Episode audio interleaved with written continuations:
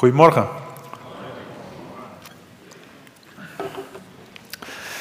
Het is al eh, aangekondigd wat ik eh, vanmorgen als thema met u wil gaan behandelen. En uh, de tekst is ook al genoemd. We gaan zo lezen uit Spreuken 23. maar voordat we lezen, even deze vraag.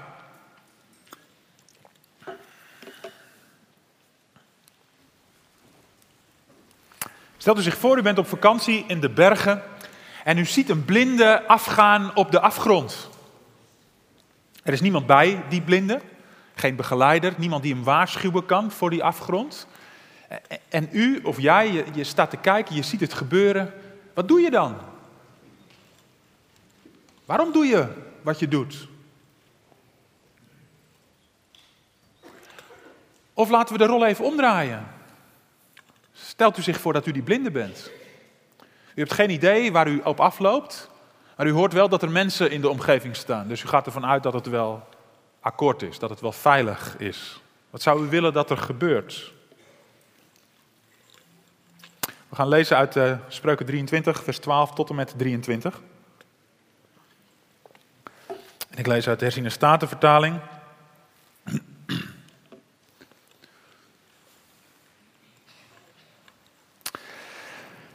Laat uw hart tot vermaning komen en uw oor tot woorden van kennis. Onthoud een jonge man geen vermaning. Als u hem met de stok slaat, zal hij niet sterven. Zelf moet u hem met de stok slaan en zijn leven redden van het graf. Mijn zoon, als je hart wijs is, zal mijn hart zich verblijden, ja, het mijne. Mijn nieren zullen van vreugde opspringen als je lippen spreken wat billig is. Laat je hart niet jaloers zijn op zondaars, maar heel de dag vrezen, of heel de dag blijven in de vrezen des Heren.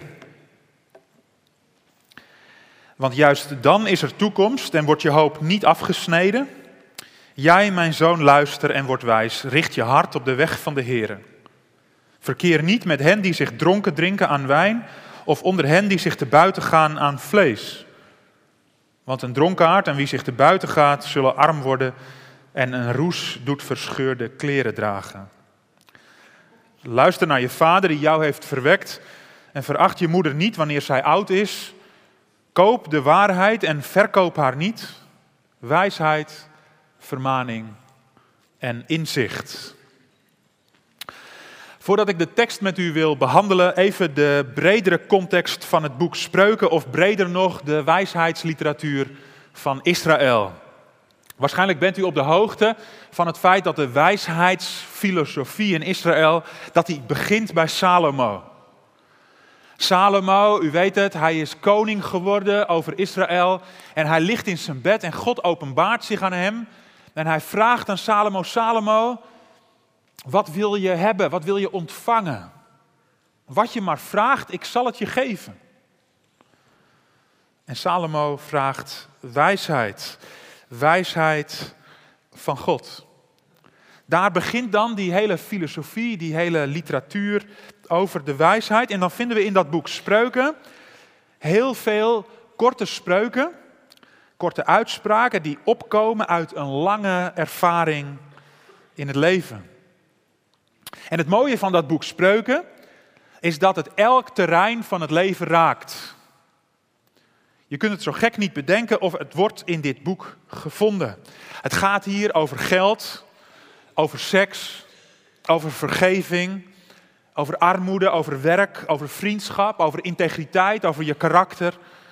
En ga zo maar door. Elk terrein van het leven wordt in het boek Spreuken aangehaald. Maar tegelijkertijd, er zijn wel veel van die korte uitspraken. Tegelijkertijd vinden we in dat boek Spreuken ook een heel duidelijk kader waarbinnen we die uitspraken kunnen lezen en kunnen plaatsen. In die hoofdstukken 1 tot en met 9 wordt wijsheid gepresenteerd. En een wijsheid die als hoofdthema in dat boek meegaat, is geen kennis van de theorie. Het gaat bij de wijsheid van spreuken niet om een hoog uh, intelligentieniveau. Nee, het gaat om de praktische wijsheid van het leven. van het goede leven. Dat is, dat is het doel van Salomo, die het grootste deel van het boek geschreven heeft. Hij presenteert zichzelf als een vader of een leraar en hij verlangt voor zijn kinderen of zijn leerlingen dat ze het goede leven ontdekken. En als hij het goede leven beschrijft, als hij die weg van het goede leven beschrijft, dan heeft hij het ook over een andere weg. Een weg waarvan hij zegt, daarop gaan de dwazen. En die laten zich van die weg niet terugroepen. Zij blijven op die weg doorgaan.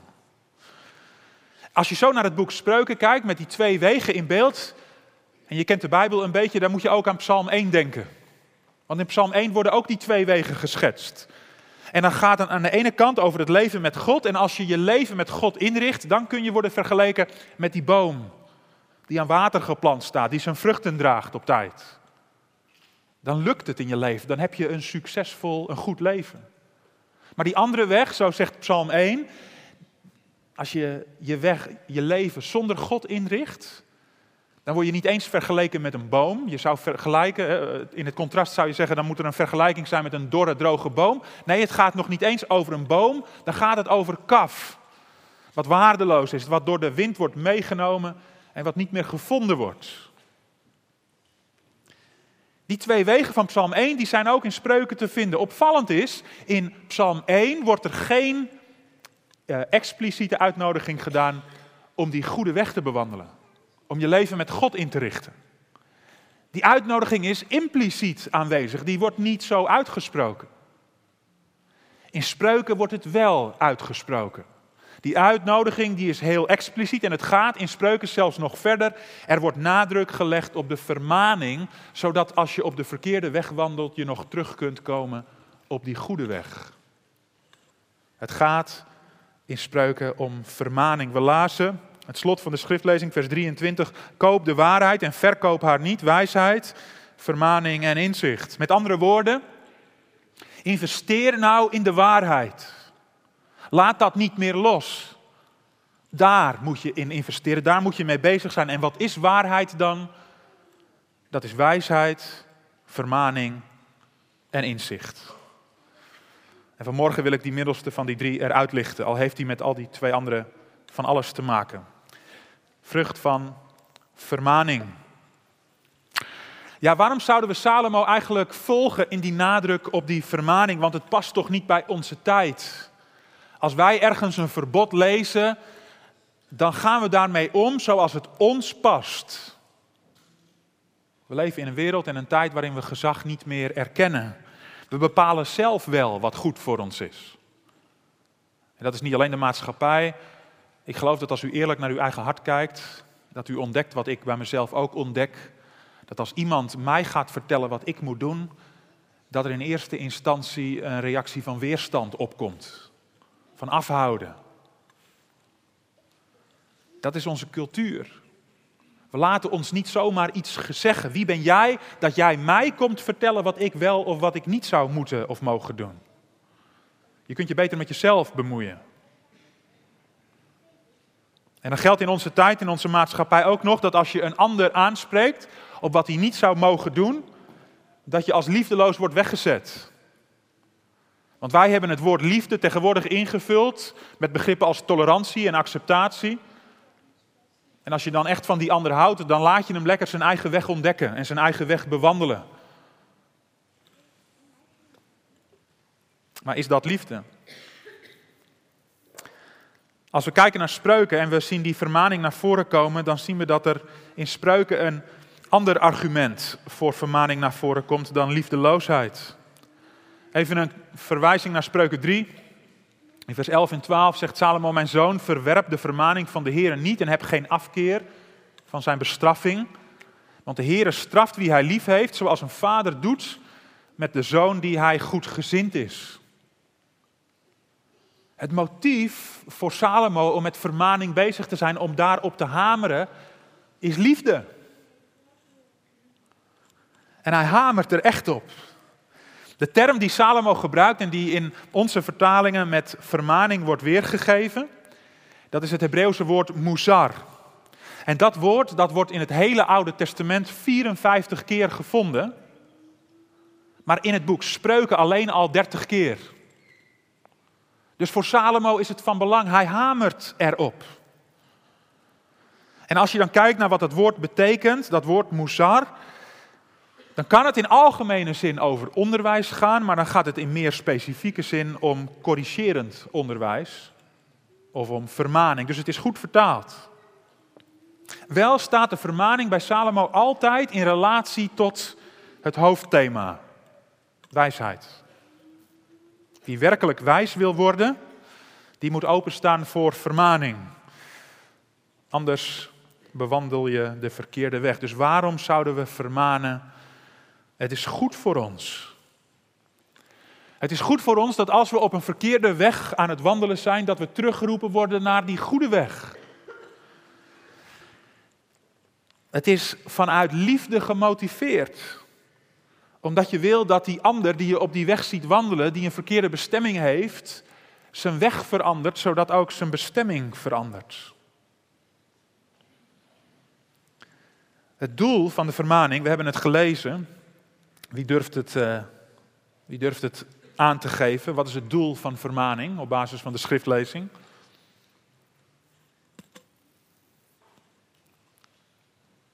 Waarom zou je vermanen? Niemand? Het behoud. Er staat hier in vers 14 zelf: moet u hem met de stok slaan en zijn leven redden van het graf. Dat is het doel. Het gaat erom dat je die ander zijn leven redt. Als die op die weg doorgaat, dan staat er van alles op het spel. En dan denkt de schrijver van spreuken nog wel heel beperkt aan dat aardse leven. Maar als we teksten uit het Nieuwe Testament erbij zouden pakken, dan gaat het over het eeuwige leven. Dus het is goed voor ons. En het is mooi dat als je die dat hele boek Spreuken bestudeert en je ziet dat steeds opnieuw terugkomen, dat die schrijver van Spreuken, dat Salomo er een nog een diepere betekenis aan toevoegt. Hij spreekt over wijsheid en hij zegt voortdurend wijsheid brengt ons dat goede leven. Dat leven met God, waardoor je vergeleken kunt worden met die boom die vrucht draagt en aan water is geplant. Maar als hij over dat goede leven spreekt, als hij spreekt over de vermaning, als je, als je misschien een andere weg bewandelt, dan moet je vermaand worden om terug te keren. Dan gebruikt hij ook termen als de bron van leven. Die wijsheid waar hij het over heeft, dat is de bron van leven. Of nog specifieker, de boom van het leven. De boom des levens. Dat doet hij niet zomaar. Waar denkt hij aan als hij dat woord uitspreekt, die term gebruikt, de boom des levens? Waar denkt u aan?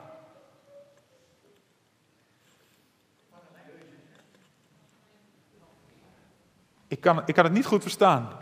Maar, maar het gaat natuurlijk om de boom des levens uit het paradijs van Genesis 2. Dus als Salomo zegt, je moet vermanen, want dat is het, het leven redden, dat goede leven leiden. En dat goede leven, dat is het, het leven dat kan worden vergeleken met de boom des levens. Dan zegt hij eigenlijk dit, mensen. Als je vermaand wordt, als je wijs wordt, dan kun je je leven zo inrichten alsof de zondeval helemaal niet heeft plaatsgevonden. Je kunt teruggrijpen op de tijd van voor de zondeval, toen de mens nog in het paradijs leefde. En onaangetast door de zonde contact had met God en met elkaar. Dat is de diepe boodschap die Salomo in die woorden legt als hij spreekt over de boom des levens. Gaat het over de goede schepping. Wie vermaning aanneemt, wie wijsheid ontdekt, vindt dat goede leven zoals het door God in eerste instantie was bedoeld. En dan is het alsof de schade van de zonde naar de achtergrond verdwijnt en je teruggrijpt op het paradijs. Wie vermaand wordt en dat ontdekt, wordt werkelijk gelukkig en verheugt zich. Wij schrikken ervoor terug om een ander aan te spreken, om een ander te vermanen, want als je die ander aanspreekt, dan kan je een grote mond verwachten. Maar dit is wat je kunt bereiken. En denk nog even na over die blinde die op die afgrond afging. Als je zelf die blinde bent, hoe zou je willen dat er met jou wordt omgegaan? Is het liefdeloos om die blinde te corrigeren? Of is het door liefde ingegeven? Het motief van de vermaning zoals Salomo dat presenteert, dat wordt ook in het Nieuwe Testament gevonden. Denk bijvoorbeeld aan Matthäus 18, waar Jezus zelf spreekt over vermaning en zelfs over tucht. En dan zegt hij, als je bij je broeder of zuster een zonde bemerkt, en je spreekt die broeder of zuster daarop aan en hij luistert naar je, dan heb je hem gewonnen. Dat is hetzelfde motief. En Jacobus, die eindigt zijn brief met deze woorden, dat is net zo goed fantastisch. Jacobus 5, vers 19 en 20. Broeders, als iemand onder u van de waarheid is afgedwaald en een ander doet hem terugkeren, weet dan dat hij die een zondaar van zijn dwaalweg doet terugkeren, een ziel zal redden van de dood en een menigte van zonden zal bedekken. Wat een geweldig instrument geeft God ons in de vermaning om levens te redden. Om mensen op het spoor te zetten van het goede leven. Dat leven dat gekenmerkt wordt door wijsheid, waardoor de aantasting van de zonde naar de achtergrond verdwijnt. Maar welke norm moeten we dan voor die wijsheid, voor die vermaning hanteren? Je kunt met elkaar de conclusie wel trekken op basis van deze tekst dat vermaning in de kern dus heel positief is. En dat we er niet voor hoeven terugschrikken, maar dat het een enorme rijkdom is als we dat in een gemeentelijke context heel normaal zouden vinden en als het aan de orde van de dag zou zijn. Maar welke norm moet je dan gebruiken om een ander aan te spreken?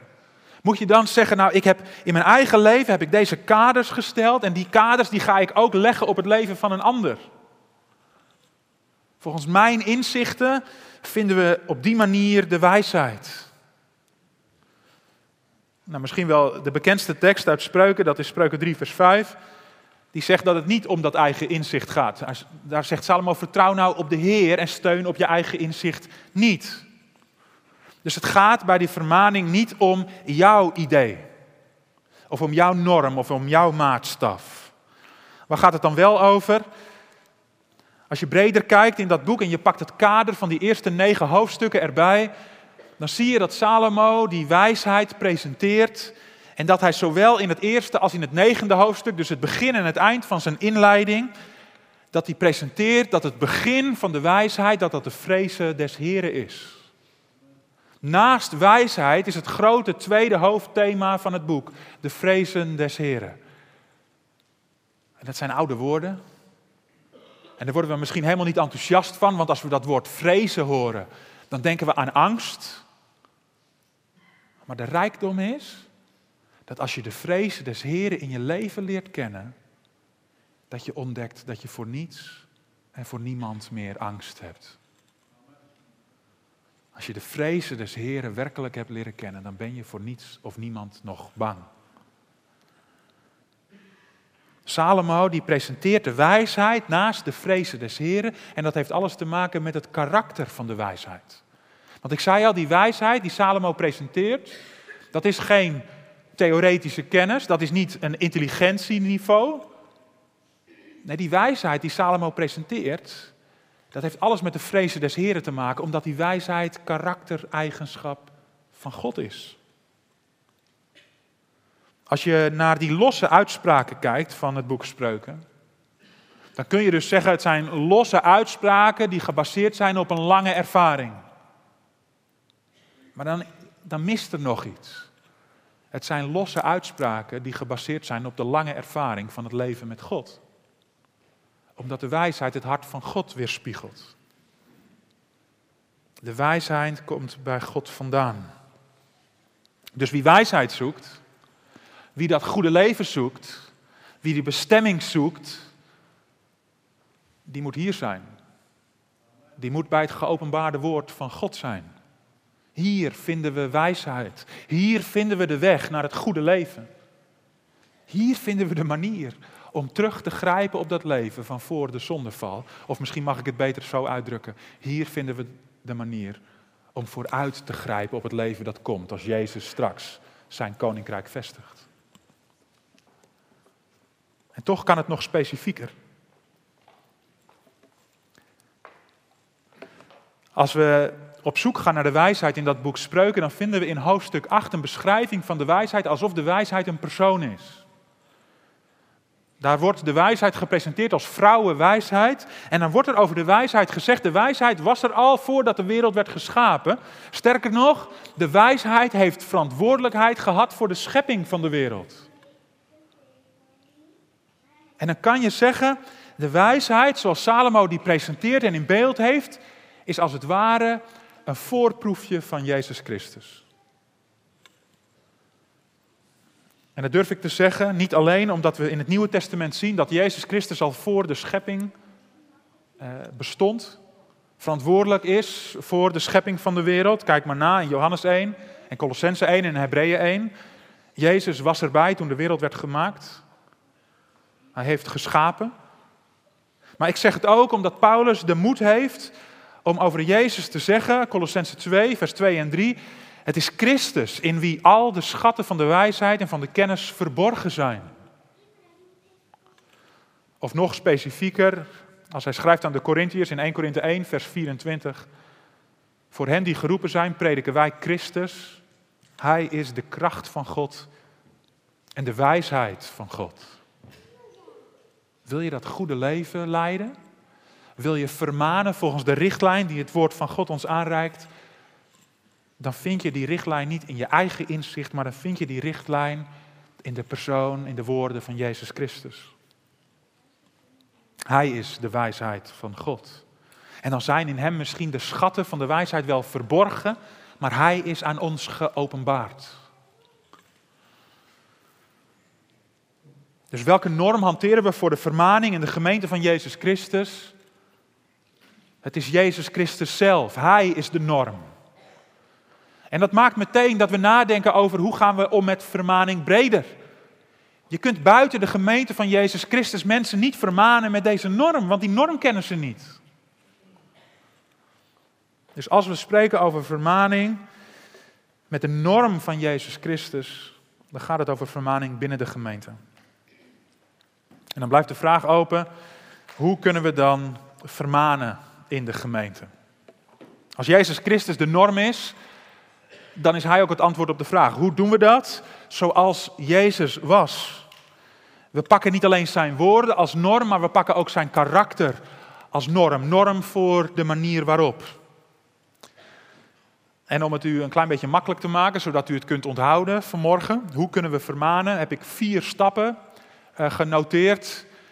En de beginletters van die vier stappen, die vormen met elkaar een woord. En dat woord, dat is wat je nodig hebt als je gaat vermanen. Dan mag u een poging doen. Welk woord is dat dan? Nederlands woord. Wat heb je nodig als je een ander gaat vermanen? Vier letters. Sorry? Tact. Ja, dat zou ik gekund, gekund hebben, maar dat is hem niet. Ik zal u uit de droom helpen. Het is moed. Dus we beginnen met de M. Het motief, dat is de basis. Als je naar eh, de vorm kijkt van de vermaning zoals die in Spreuken 23 wordt gepresenteerd, dan schrikken we voor de vorm misschien een beetje terug. Er staat in vers 13, onthoud een jonge man geen vermaning, als u hem met de stok slaat, zal hij niet sterven. Het is haast alsof de ontvanger van deze boodschap voor de vorm ook terugschrikt. Of voor het principe van vermaning terugschrikt. Hij moet aangespoord worden dat hij toch gaat vermanen. En dan schrikken wij terug voor de vorm. Tegenwoordig mag je je kinderen ook niet corrigerend in de opvoeding nog een tik geven. Maar het mooie is, als je doorleest, dan zie je dat het motief, dat het motief heel sterk aanwezig is. Waarom zou je vermanen, mijn zoon, als je hart wijs is, dan zal mijn hart zich verblijden. Ja, het mijne. Mijn nieren zullen van vreugde opspringen als je lippen spreken wat billig is. Salomo zegt hier, als je nou wijs wordt, ik moet je dan misschien wel vermanen, en dat doet misschien wel zeer, maar als je daardoor wijs wordt en die juiste weg vindt en dat goede leven ontdekt, dan word ik daar zo zielsgelukkig van. Want dat is wat ik je gun. Dat is wat ik voor jou op het oog heb. En daarom ben ik met vermaning bezig. Dus beste mensen, het motief, dat is de basis. Als je een ander ziet zondigen en je hebt de neiging om die ander aan te spreken vanuit het feit dat je een bepaalde positie hebt en je je verheven voelt boven die ander, dan is je motief niet goed. Wacht dan nog even. Maar als je die liefdevolle betrokkenheid ervaart, als je het verlangen hebt dat die ander een andere richting kiest voor zijn leven, om een andere bestemming te vinden, motief dus zuiver is, ga dan maar naar stap 2. Nou, die begint met een O, dat is duidelijk. Eh, u snapt wel, het is een klein beetje geforceerd, hè, maar het is om u te helpen onthouden. De observatie die je doet, die moet je ook controleren. Je ziet dat die ander zondigt. Maar klopt het wel wat je gezien hebt? Stel je voor, je doet morgenochtend boodschappen in Emmeloord en je ziet een broeder of zuster bij de kassa weglopen zonder te betalen. Dan zie je een fragment. Maar hoe weet je zeker dat dat fragment wat jij gezien hebt, dat dat de hele waarheid is? Dus ga eerst je observatie controleren. Stap op die ander af en begin dan met een vraag. Klopt wat ik net gezien heb, klopt dat? Hoe is dat precies gegaan? Wat heb je bedoeld toen je zei dat? Stel een vraag. Ga ontdekken of wat je hebt geobserveerd wel werkelijk klopt. En begin dan niet met de vraag wat je net deed, dat kan toch helemaal niet? Want dat is technisch gezien wel een vraag, maar dat is eigenlijk helemaal geen vraag. Dus controleer je observatie. Volgende. Je moet dan ook empathie tonen. Dat is ook zo mooi. Als je kijkt naar die tekst, dan zie je dat de schrijver, dat Salomo meevoelt met de persoon die die aanspreekt. Vers 17 zegt, laat je hart nou niet jaloers zijn op zondaars. Ik, ik kan me er wel iets bij voorstellen. Dat je om je heen kijkt en dat je mensen ziet die zonder God leven en het lijkt ze allemaal zo makkelijk af te gaan. Maar wees daar nou niet jaloers op. Of vers 20, verkeer nou niet met hen die zich dronken drinken aan wijn, of onder hen die kiprollades kopen. Nee, dat staat er niet, hè? Die zich te buiten gaan aan vlees, die zo'n rollade in één keer naar binnen schuiven. Dat is wat er bedoeld wordt. Dus je mag best een rollade kopen, Simon. Doe dat met een gerust hart. Maar niet in één keer opeten. Die schrijver die kan als het ware meevoelen met zijn leerling, met zijn zoon. En hij zegt, ja natuurlijk snap ik dat het verleidelijk is om mee te feesten. Om dan ook gewoon te drinken. Om te genieten van dat eten. Maar hou, hou nou in beeld, dat duurt maar even en uiteindelijk bereik je toch niet wat je zou willen bereiken. Hij toont empathie. Hij kan zich wel iets voorstellen van de verleidingen van zijn zoon of van zijn leerling. Kijk naar het leven van die ander. En kijk bij jezelf of je werkelijk met die ander kunt meevoelen. Maak dat ook bekend. Spreek het uit. Natuurlijk snap ik wel dat je in een lastige situatie zit. Maar misschien kunnen we er met elkaar over praten en kan ik je ondersteunen in die situatie. En dan hoef je de weg van de zonde niet te bewandelen. Als je dan die stap hebt gevolgd, dan is het ook van belang, van belang om bij de D uit te komen. Deel het woord van God. Het gaat niet om jouw inzicht. Het gaat niet om jouw norm of maatstaf. Maar het gaat om het woord van God. Deel wat je in het woord van God ontdekt. En wat je bij de ander ziet gebeuren, dat daarmee niet in overeenstemming is. Leg het maar gewoon uit. Soms komen de mensen bij mij. Ik ben tien jaar voorganger geweest in kampen. Uh, verschillende huwelijken daar geleid. Maar dan komen de, komen de jonge mensen bij me en die zeggen: Gijs, wil je onze huwelijksdienst leiden? Ik zeg: Nou, ik ben vereerd dat je me vraagt. Maar ik wil wel met, met, met jullie praten over een paar dingen. En een van die dingen is de manier waarop jullie je seksualiteit beleven. Dan ga ik met ze dat gesprek aan. En dan ontdek ik, ik ben vaak de eerste die een serieus gesprek over seks met mensen voert. Anders dan volgens de richtlijnen van het internet. Maar dan ontdek ik ook dat ik ze dingen kan uitleggen die ze nog nooit gehoord hebben. Nou, ik druk u als ouders op het hart om met uw kinderen over seks te praten vanuit de Bijbelse kaders. Zodat ze niet bij Bert aankloppen en Bert ze alles nog moet uitleggen. hoe God het dan bedoelt en hoe God het dan ziet. leg het uit. En natuurlijk komen er dan jonge stellen die zeggen: Ja, we hebben het eigenlijk niet goed gedaan. En misschien weten ze niet eens dat ze het niet goed gedaan hebben, omdat ze niet goed weten wat Gods visie op huwelijk en seksualiteit is. Maar leg het ze uit. Neem ze mee. Mag ik je uitleggen hoe God kijkt naar deze dingen die ik nu in jouw leven ontdek? Het vraagt dus ook wat van jou als je die ander aanspreekt. Benoem de verkeerde weg, maar leg ook uit waarom die weg verkeerd is.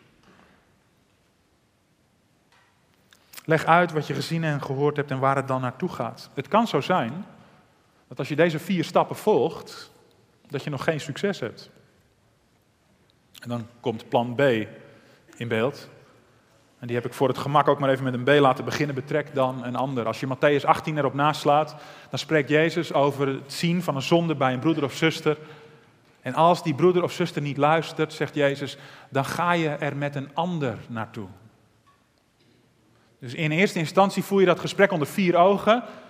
Maar als je er dan niet uitkomt, als die ander zich niet laat gezeggen, dan roep je er een andere broeder of zuster bij en dan zeg je, kunnen we samen naar hem of naar haar toe. En het mooie is, als je die andere erbij betrekt, dan wordt je eigen perspectief op de situatie al gefilterd door de ander. En misschien ontdek je wel dat je er zelf naast zat en word jij gecorrigeerd.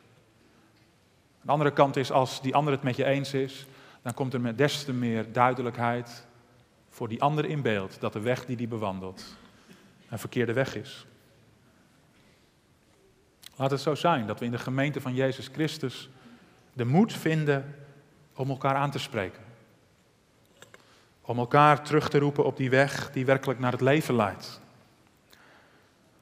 Het kan natuurlijk ook zo zijn, en daar heb ik eigenlijk nog niet zoveel over gezegd, dat je aan de andere kant van het spectrum zit. Dat jij niet degene bent die bij die ander die verkeerde weg ontdekt en waarvan je denkt, daar moet ik over doorpraten. Maar dat die ander bij jou die verkeerde weg ontdekt en dat hij bij jou op de stoep staat. En dat hij jou aanspreekt en zegt wat jij doet, daar moeten we het over hebben. Hoe ga je daar dan mee om?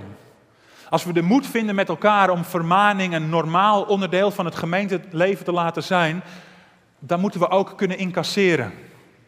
Dan moeten we af van die vleeselijke reactie, vleeselijk of vreselijk, dat als iemand ons aanspreekt, dat we meteen met weerstand reageren. Daar moeten we aanvaarden. Je moet bereid zijn vermaning te aanvaarden. Daar hamert Salomo op. Hij zegt in vers 12: Laat uw hart tot vermaning komen. Sta er maar open voor. En vers 23, ik heb het al eerder aangehaald. Koop de waarheid en verkoop haar niet wijsheid, vermaning en inzicht. Investeer daar nu in. Laat tot je doordringen, als die ander bij jou op de stoep staat, dat hij de moed gevonden heeft, dat hij de drempel genomen heeft om dat gesprek met je aan te gaan. Laat tot je doordringen dat hij waarschijnlijk nagedacht heeft over de opties die er waren. Dat hij gezocht heeft naar een motief in zijn eigen hart. Over waarom hij dan met jou dat gesprek aangaat. En dat het doel altijd positief is. Laat die ander maar gewoon meekijken. Luister, overweeg en investeer dan in wat je van de ander ontvangt. Als we vermaning in de gemeente gaan toepassen, dan ontdekken we dat het grote rijkdom is. Ik wil met u afronden. Vermaning moet worden gezocht. Daar is Salomo helder over. En na Salomo volgen er nog velen die daar net zo helder over zijn. Het doel van vermaning is niet om te onderdrukken, om jezelf boven die ander te verheffen. Nee, het gaat erom dat er levens worden gered. Dat mensen in de gemeente van Jezus Christus die weg vinden, die niet alleen teruggrijpt op dat leven van het paradijs, maar die vooruitkijkt naar het leven dat komt als Jezus heerst over deze wereld, die nieuw gemaakt zal zijn. En dan is de rijkdom dat je in de gemeente van Jezus Christus ontdekt dat je niet hoeft te zeggen, ik ben alleen verantwoordelijk voor mijn eigen leven.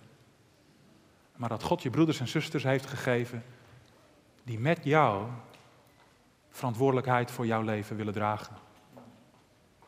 Dat is niet vervelend. Dat is geen beperking, dat is grote rijkdom. Wat een rijkdom dat er mensen naast me staan die willen meekijken naar mijn leven. Die me willen helpen om die weg achter Jezus Christus aan te bewandelen. Jezus vol liefde, u wilt ons leiden. Dat zongen we net. En als we dan blij zijn met Jezus die ons wil leiden, zouden we dan de mensen die Hij daarvoor inschakelt aan de kant schuiven? Nee, we ontdekken dat er anderen zijn die iets over mijn leven mogen zeggen. We mogen groeien, niet alleen, niet individueel, maar met elkaar in de wijsheid die God ons aanreikt. We mogen groeien in de wijsheid van God, dat is Jezus Christus. We mogen Hem des te meer weerspiegelen. En dan ontdekken we het goede leven zoals God het heeft bedoeld. Dat, broeders en zusters, is de vrucht van vermaning. Amen.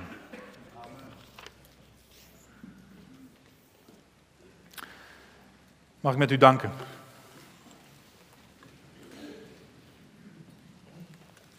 Hemelse Vader, geprezen zij uw grote naam. Als we uw woord bestuderen, dan zien we, Heere God, dat u tot in ieder detail van ons leven wilt doordringen. Dat u inspraak wilt hebben op elk facet van ons leven. Want zo breed is dat boek. De Bijbel in zijn algemeenheid, het boek Spreuken in het bijzonder. Het gaat over elk detail van ons leven. En u bent voor geen van die details blind of ongeïnteresseerd. Maar u wil ons op, dat, op die weg leiden die als wijsheid gekenmerkt wordt. Die weg waar de Heer Jezus heerser is en mag bepalen. Die weg die leidt naar de bestemming die u voor ogen hebt. En waar we allemaal naar verlangen. Vader in de hemel, we willen u danken voor wat u geeft. We willen u danken dat we mogen ontdekken in deze tijd van individualisatie. Dat we niet alleen staan. En dan staat het onder druk, Vader, dat we op elkaar betrokken zijn. Ja, ook in de gemeente van Jezus Christus, want we zijn zo makkelijk beïnvloedbaar. En de maatschappij en de cultuur van vandaag de dag, die heeft zo makkelijk en zoveel invloed in ons leven. En we gaan zo makkelijk mee in de drukte en de hectiek, waardoor we eigenlijk nauwelijks tijd en ruimte hebben om werkelijk met die ander mee te kijken. Maar wilt u uw geest schenken, Vader? Dat we iets mogen teruggrijpen van de rijkdom, dat we zo op elkaar betrokken zijn, dat we werkelijk meekijken. Dat we elkaar durven te bevragen, dat we in de kring niet alleen spreken over de tekst die we voor onze neus hebben, maar dat we spreken over hoe die tekst in onze levens concreet wordt. Dat we met elkaar het leven van Jezus Christus leven, vormgeven en bij elkaar aansporen. Vader, wilt u geven dat vermaning geen uitzondering is. Dat het niet alleen gebeurt in die situaties, dat er daadwerkelijk en voor iedereen overtuigend sprake is van grensoverschrijdend gedrag. Maar dat we elkaar ook al, als het om kleine dingen gaat, kleine dingen die toch als zondig moeten worden bestempeld, kunnen aanspreken en kunnen zeggen, joh, ik zou zo graag willen dat je teruggaat op die weg achter Jezus Christus aan. Want het is misschien iets kleins, maar als die wegen uit elkaar lopen, dan, dan kan dat zomaar een hele andere bestemming betekenen. Vader, wilt u ons daarin zegenen en tegemoet komen? Ik wil u bidden, Vader, voor deze gemeente. We hebben namen gehoord van zieken. We hebben gehoord over een oudste die vanwege de enorme drukte in zijn leven, het oudsteschap, tijdelijk moet neerleggen. En dan bidden we, Heere God, dat u de raad sterkt en steunt met wijsheid en inzicht. En dat als ze misschien ervaren dat er minder mankracht is, dat ze mogen ervaren dat u ze zo sterk maakt, dat u ze zozeer leidt en dat u zozeer ook heerst over de gemeente, dat ze niet harder hoeven te lopen. Mag het misschien ook zo zijn, vader, dat als ze een persoon missen, dat ze des te meer doordrongen zijn van het besef dat ze van u afhankelijk zijn. En dat dan dat wonder gebeurt, Heere God, dat u zo voor ze uitgaat, dat de last juist verlicht wordt in deze fase. Vader in hemel, we bidden voor uh, Voorgangers echtpaar Bert en Karin, wilt u ook hen zegenen in het werk dat ze doen? En mag het zo zijn dat de gemeente groeit naar het beeld van uw zoon, Jezus Christus.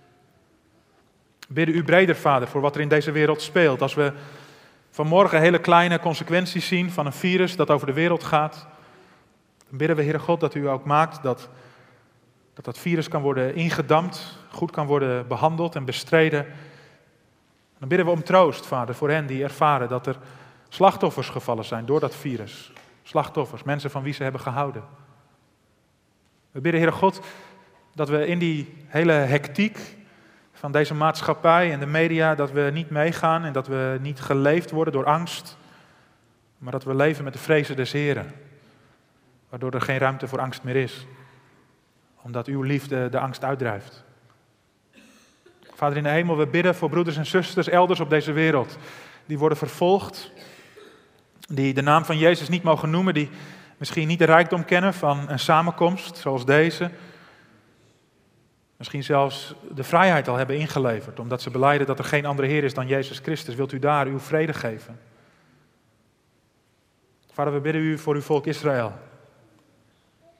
Als er rondom Israël zoveel gebeurt, als we in de wereld zien dat het antisemitisme toeneemt, dan willen we bidden, Heere God, dat u uw volk beschermt en bewaart. En dat bidden we niet, Heere God, met grote twijfel in ons hart, maar dat bidden we met overtuiging dat u dat waarmaakt. Maar daarnaast bidden we en vooral bidden we dat u binnen uw volk de ogen opent voor Jezus, de Messias van Israël.